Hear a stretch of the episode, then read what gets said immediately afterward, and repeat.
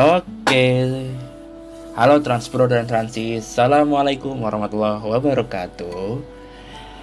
Eh, senang banget nih bisa hadir kembali untuk Transbro dan Transis kalian di mana pun kalian berada. Dari kami para Trendcaster selalu mendoakan semoga Transbro dan Transis kalian dalam keadaan sehat walafiat ya. Jadi di sini gua Azam uh, terus ada Ahmad Rafi dan Haikal akan menemani kalian membawakan episode yang ke-151 bahas wajah baru transportasi kota tua Jakarta. Nah, Transpro dan Transis kalian, ini mungkin udah ada spill-spill dikit nih kita buka Instagram tuh tentang wajah baru kota tua tuh yang katanya kayak di luar negeri lah. Terus kalau kalau di YouTube tuh juga ada pasti yang update-update lah. Terus juga kan selama ini khususnya orang-orang luar Jakarta ya mindset kota tuh ya kayak begitu aja gitu. Nah sekarang udah berubah nih. Apa aja sih yang berubah? Makanya kita bahas di episode ini. Di episode 151 Wajah baru transportasi kota tua Jakarta. Nah, sebelumnya gue pengen tanya nih ke Haikal. Katanya sih ada Les L E Z. Nah, itu Les itu apa sih, Kal?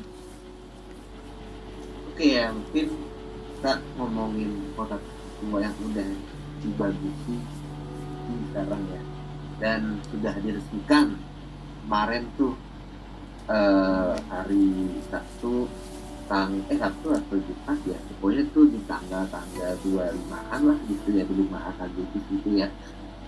Uh, itu jadi kota tua ini sekarang lebih ramah pejalan kaki dan sepeda ya.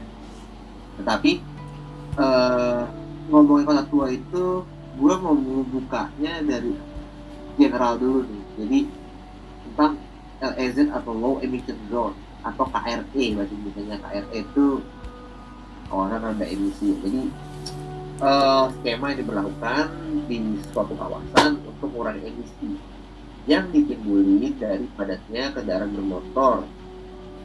Terus juga uh, dilakukan dengan cara membatasi mobilitasnya. Gitu. Nah kalau dari sisi transportasi ya ini kan LIZ ini kan lebih ke arah kawasan gitu. Tapi kalau dari sisi transportasinya uh, karena ada kata membatasi mobilitas itu berarti ada yang namanya rekayasa lalu lintas. Dan itu juga pembatasan tersebut uh, dilakukan sebagai salah satu bentuk ya dari strategi push and pull gitu. Dan juga strategi uh, kalau menurut gue ya itu ada salah satu bentuk opportunity group lah atau ASP yang pernah kita dulu pernah bahas gitu. Jadi di mana uh, di suatu kawasan nih ini nggak boleh lewat motor mobil gitu ya kan. Jadi orang harus itu harus dari kendaraan umum ya kan. Artinya ada pull dan ada juga opportunity group gitu lah dan juga memaksimalkan pemakaian motor transport itu loh. Nah jadi kalau terus lagi tentang long emission zone dalam sisi uh, lingkungan ya. Nah itu tuh bisa dilakukan dengan juga ada sebutan lain sih namanya congestion charging gitu. Jadi ya uh, congestion charging itu merupakan kebijakan yang membebankan sejumlah biaya kepada pengguna kendaraan bermotor saat melintasi suatu ruas jalan tertentu gitu. Kan charge gitu ya. Jadi kayak misalnya kayak let's ngomong IRT kalau IRT kan cuma itu lewat jalan itu berbayar gitu. Dan duit bayaran itu buat retribusi daerah untuk pembenahan transportasi publik. Jadi ada subsidi silang lah gitu. Tapi kalau gadget charging lu kayak ya maaf ya kalau menurut gue agak agak. Lu lewat jalan itu memakai uh, kendaraan bermotor karena kita lagi lagi pengen bersih bersih udara gitu ya. Ini kayak dosa banget nih ngotorin nih lu harus bayar nih gitu. Mm-mm. nah kalian begitu ya mohon maaf nih disclaimer nih. Yang kelihatannya awam. Nih Nah, namanya nih Kang, kan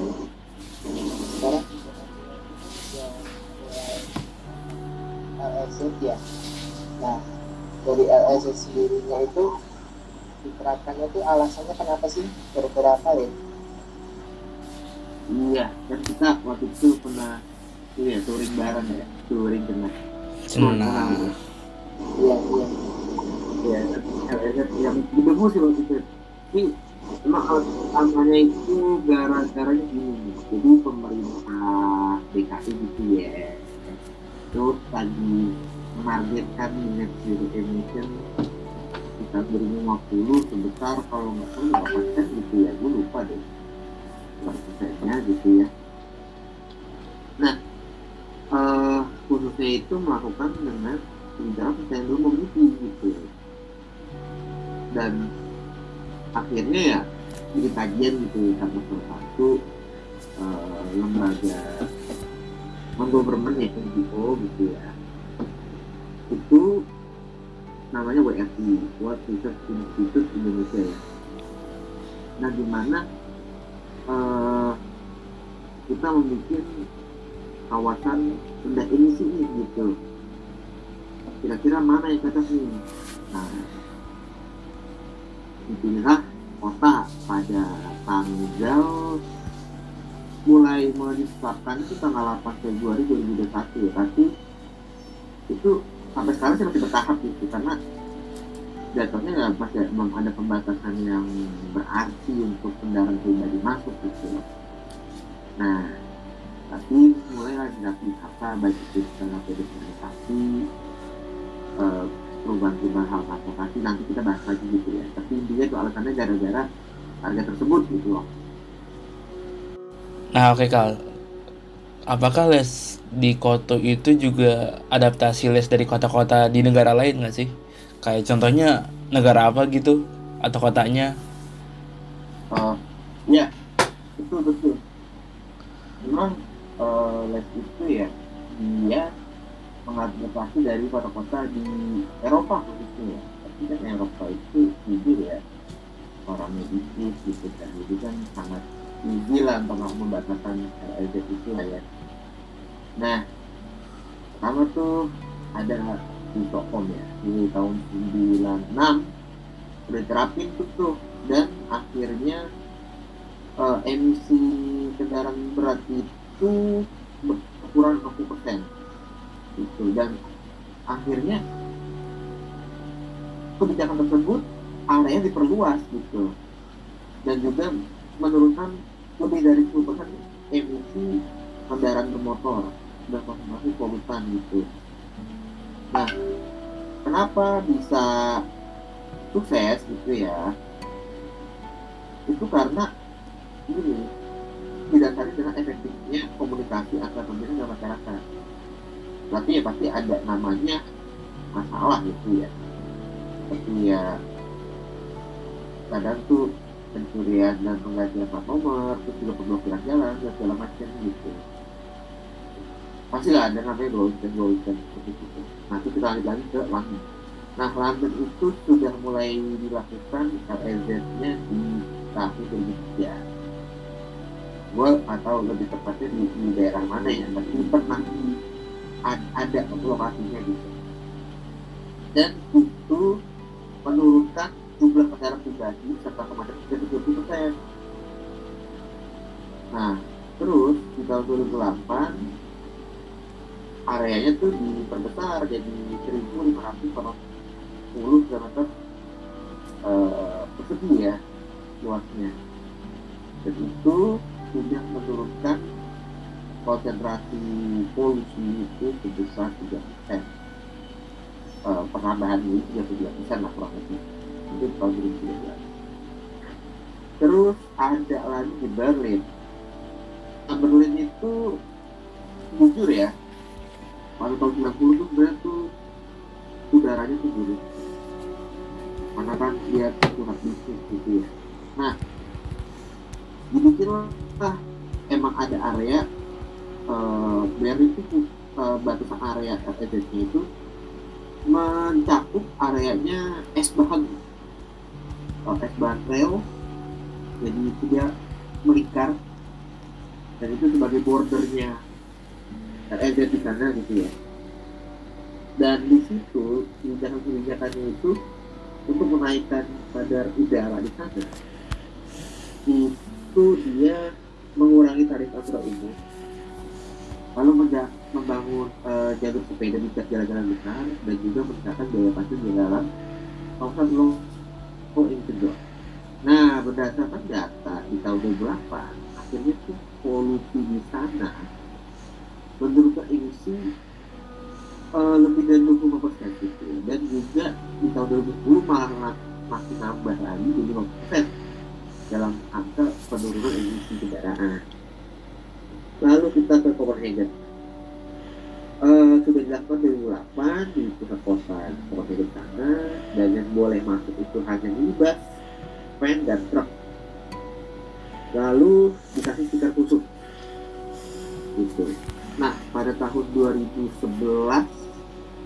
sampai 2017 itu didata uh, konsentrasi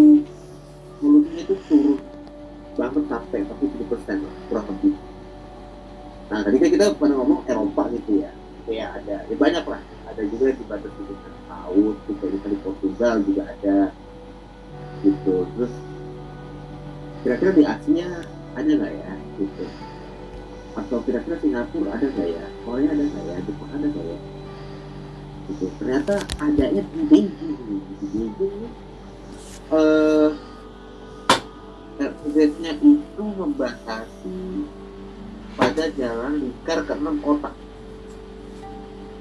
itu mulai diterapin pada 2009 lalu pergeserannya itu fokus lagi tuh uh, pada 2017 gitu. Jadi ada pergeseran area di situ dan juga ada pergeseran kebijakan gitu ya. Di mana yang boleh masuk itu hanya angkutan barang. Nah, di situ juga uh, dari penerapan LEZ di Beijing itu menghemat biaya kesehatan masyarakat hingga 37 juta dolar Amerika dan menyelamatkan konsumsi dan nyawa setiap tahunnya. Jadi ternyata dengan memberi pembatasan mobilitas kendaraan pribadi yang lalu lalang di jalan itu kan yang membawa polusi itu ternyata bisa uh, bikin sehat gitu loh bikin sehat. Jadi nanya nih kak. Apa sih untuk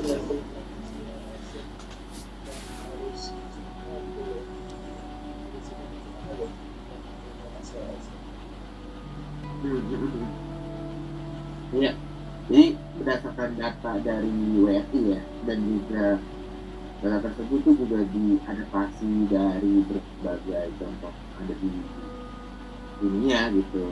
Mulai dari ada penetapan eh, tarif masuk untuk kendaraan pribadi ataupun di stiker ataupun ya benar-benar di blocking atau di di, di, lah.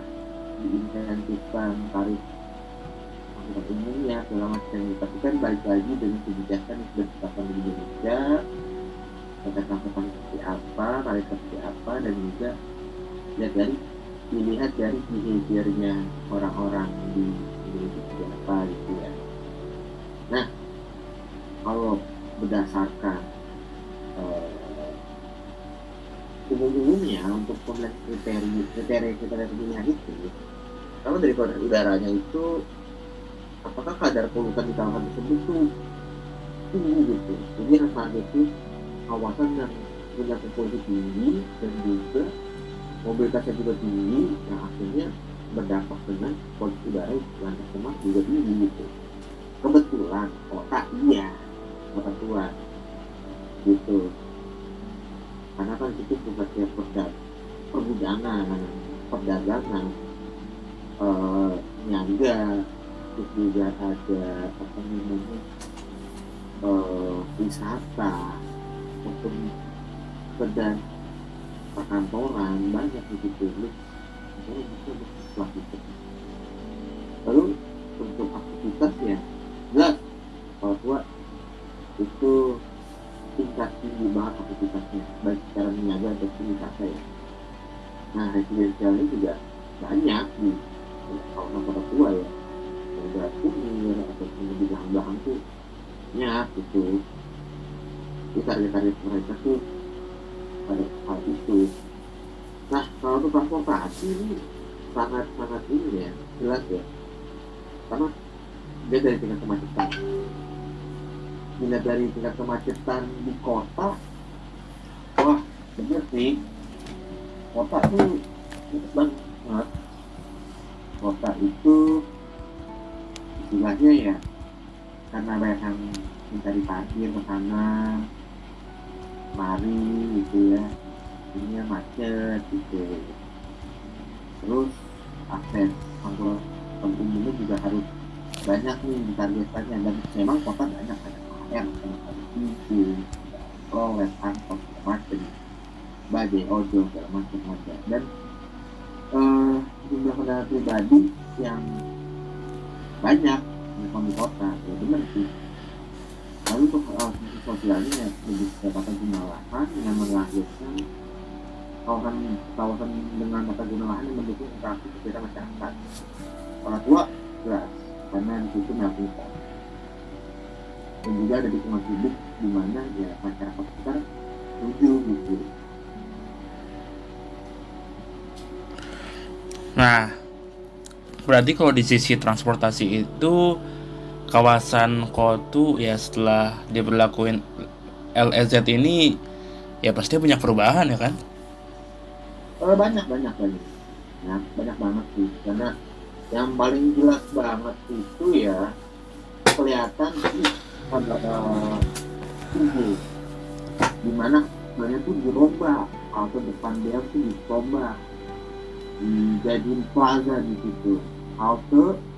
Memang saya ada halte sih di Bukit Mandiri cuma belum ada. Nggak tahu kenapa. Dan itu pokoknya melakukan infrastruktur jalan kaki halte segala macam itu dia tidak teman ya. Nah koridor satu mengalami perpanjangan di mana jadi meluping gitu. Dia lewat halte-haltenya halte-haltenya koridor 12 yaitu kayak halte kali besar. Barat. Mhm. lalu halte musim Fatahila dan akhirnya dibangun halte baru. Halte baru yaitu halte namanya halte beok namanya yang yang posisinya tuh deket pintu masuk ke Ajuju ke Ajujunya Mutu tahu kan sih yang itu pokoknya itu? Lah Iya tahu. Nah, nah jalannya juga dibedain. Gimana dulu lah jalan ada, jalan ada itu dibikin pedestrian jadi kayak station plaza gitu ya, keren lah ya. Station plane atau apalah bahasa Belanda itulah. Gitu. Nah, jalan jalannya berpindah ke masuk jalan Pemukus.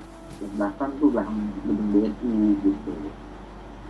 Oke, itu satu tuh kayak gitu sangat ber, ber, banget eh, berubah banget di koridor satu. Koridor 12 sama. Tetap dengan jalur aslinya kayak meminta kota tua. Satu A ya 12 B ya kayak biasanya lah gitu. Koridor satu doang yang benar-benar signifikan. Lalu untuk eh, KRL ya KRL sama lah ya. Mhm. Terus ada MRT kan nanti yang berada di mana namanya? Sisi selatannya Porto itu jalan di sekitar selatan terus juga lu tahu kan terowongan kota tua itu halte dulu? Nah itu akan dijadiin akses MRT nantinya. Saat ini sudah disektegin jadi plazanya masih tengah gitu. Plaza apa namanya plaza Porto itu di tengah tengah jadi lah gitu. Jadi halte yang bolongan eh, panolnya itu akan dijadikan untuk di kemudian hari. Atau pun 2027 lah ya lima tahun lagi ya. Sabar ya. Siap. Nah nanti kalau MRT jadi di jalan Sudirman Selatan itu akan jadi LEZ karena keterbatasan lahan lebih tepatnya. Di mana pun jalannya kecil ya terus juga ada MRT dan akhirnya jalur itu hanya untuk lalu itu saja di atasnya. Dan juga eh, akses masuk MRT seperti itu. Nah bicara dengan rekayasa lalu lintas jujur memang ada disinsentif terhadap kendaraan pribadi yang akan menuju kota tua. Jadi lu kalau ke foto dari arah harmoni lu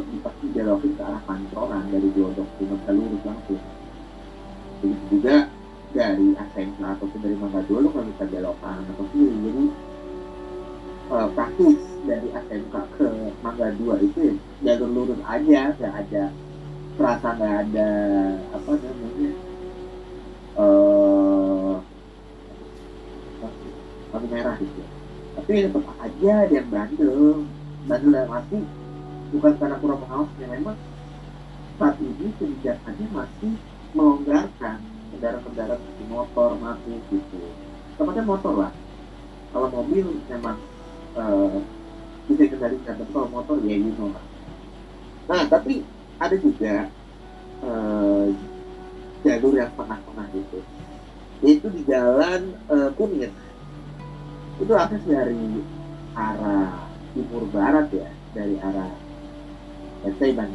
ke arah Kampung yang ke situ. Jadi LSD cuma hanya setengah doang. Itu tetap aja ada yang masuk gitu karena masih ada kebijakan yang masih sharing jalurnya gitu. Dengan eh, kendaraan lain gitu ya. Nah jadinya jalanan sepanjang eh, selingkaran kota tua itu masih belum pure menurut Transjakarta gitu itu juga eh, bagaimana nih dengan kondisi logistik jujur ya kondisi logistik itu perlu banget kita kita ini lah kita bilang ya harus gitu. Kenapa? Kalau kenapa? Karena transportasi ini nggak cuma ngomong penumpang doang gitu ngomong logistik juga. Nah let's say kita ngomong logistik itu nantinya akan diberikan stiker khusus katanya gitu. Nah gue sih nggak tahu ya stiker khusus gimana tapi eh menurut gue menurut gue ya stiker khusus itu ya mungkin ya ada kaitan logistik oh boleh masuk gitu. Jadi ada penjagaan gitu. Karena kan di situ banyak ininya eh, kafe-kafe juga ya gitu ya kayak kafe Batavia ada di kue ada di Barat ada kopi kopi kayak di tuh, kopi kopi tinggi juga ada di situ.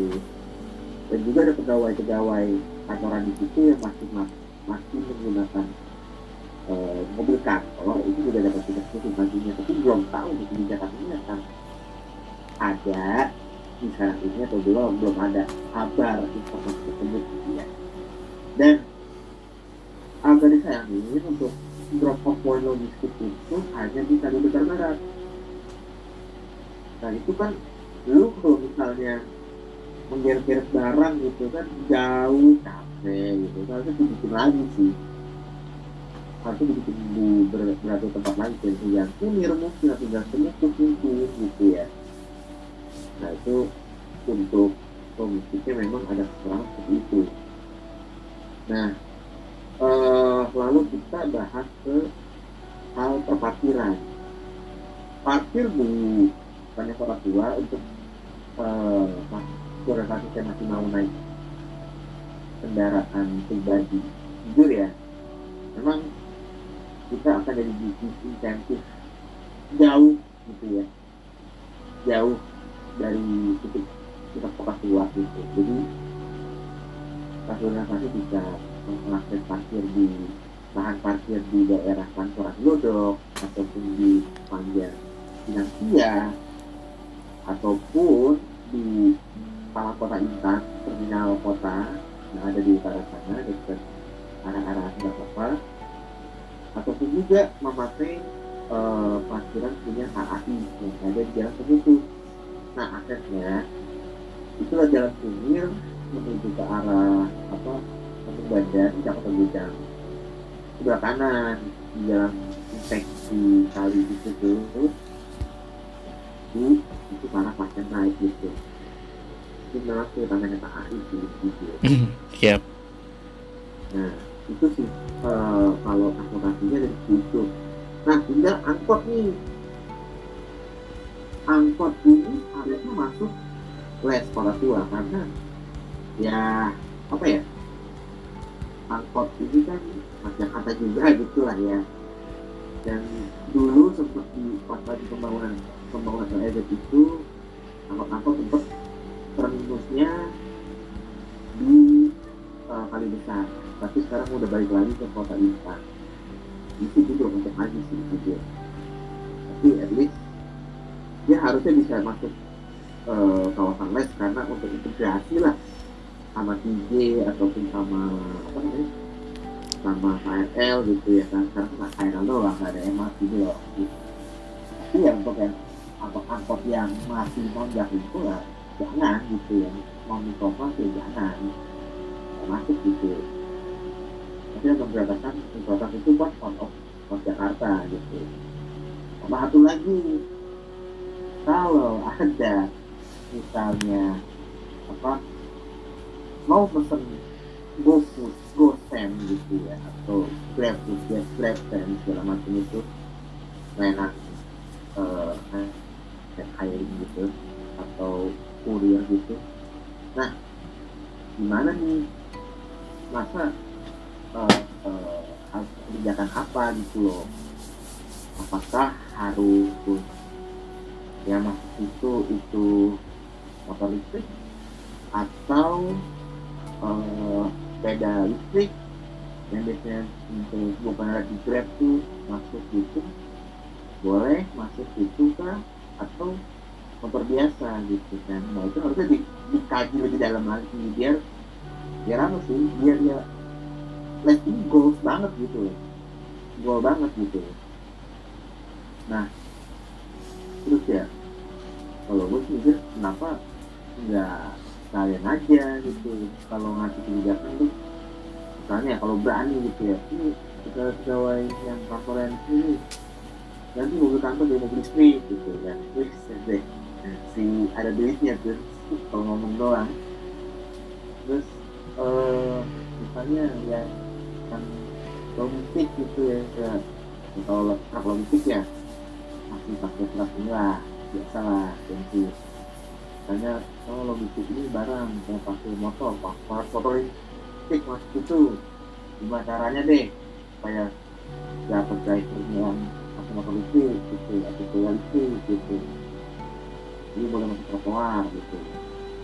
Mungkin ya kalau benar-benar masif begitu menurut gue. Terus eh ada juga sih memang pergudangan yang di jalan Kunir itu ya susah mengakses untuk apa eh, berpindah gitu untuk malam dia muat atau bongkar. Ya karena ada LEZ yang berlaku 24 jam seharian penuh ya, dia bingung gitu muat mana. Akhirnya sepertinya sih kalau gua itu ke arah jalan Kunir gitu itu posisinya ada dekat jalan dekat dekat ini kantor pos eh imigrasi gitu.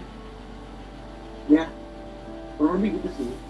Soal soal LEZ yang mungkin masih ada perkara lain gitu ya kayak seperti liar mungkin yang masuk itu itu.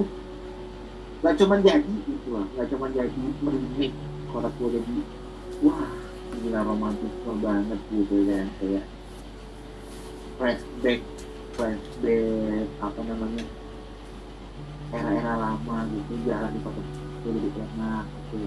Tapi kan nggak cuma membangun sebuah budaya tapi membangun juga pengendalian gitu ya. Gimana supaya ini ini kawasan juga yang bilang tadi goalsnya dapet gitu.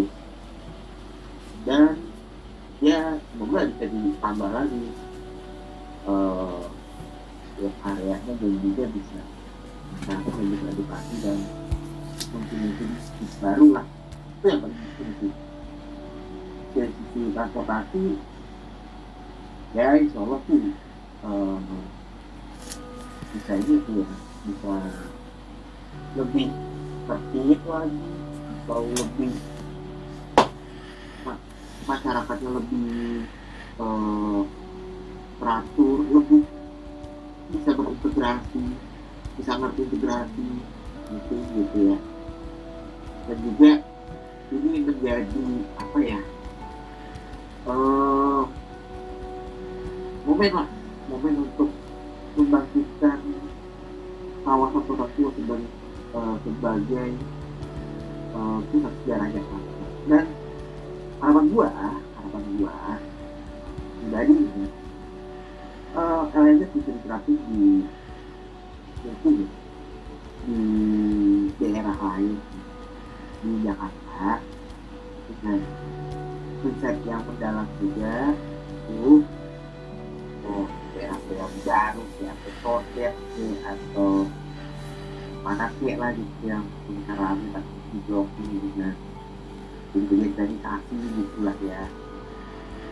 Ataupun ya kayak di kota-kota lain yang berpotensi seperti ya kayak kota lama kota lama kan lebih itu lebih bagus daripada kota tua Jakarta dari sisi arsitektural tinggal ya potensi tadi tadi itu.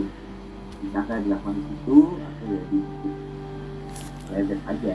Dan juga kalau nggak salah Malioboro ya sebagai digitalisasi ataupun ya. Legend juga bisa dibilang ya gitu. Tapi itu sih kalau dari gua sampai jadi Azam ada mau nambahin dari Ya, kalau dari gue nambahin ya. Ya udahlah.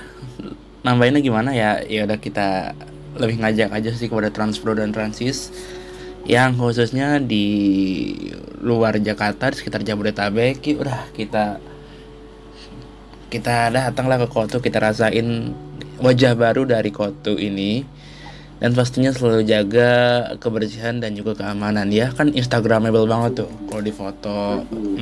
Gitu. Ya terkait atas gitu ya. Eh? Oh iya dong benar. Nggak apa-apa itu bukan ruang publik lagi ya kan? Masalah. Oke oke. Nah itu kali ya? Itu tetap aja kita ya. Oke nih. Eh udah banyak penjelasan nih dari Ikal nih. Terus juga penjelasannya tentang wajah baru kota tua. Terima kasih pada Transpro dan Transis yang sudah mendengarkan episode ini. Kami Azam dan juga Ahmad Rafi dan juga Muhammad Haikal izin pamit. Assalamualaikum warahmatullahi wabarakatuh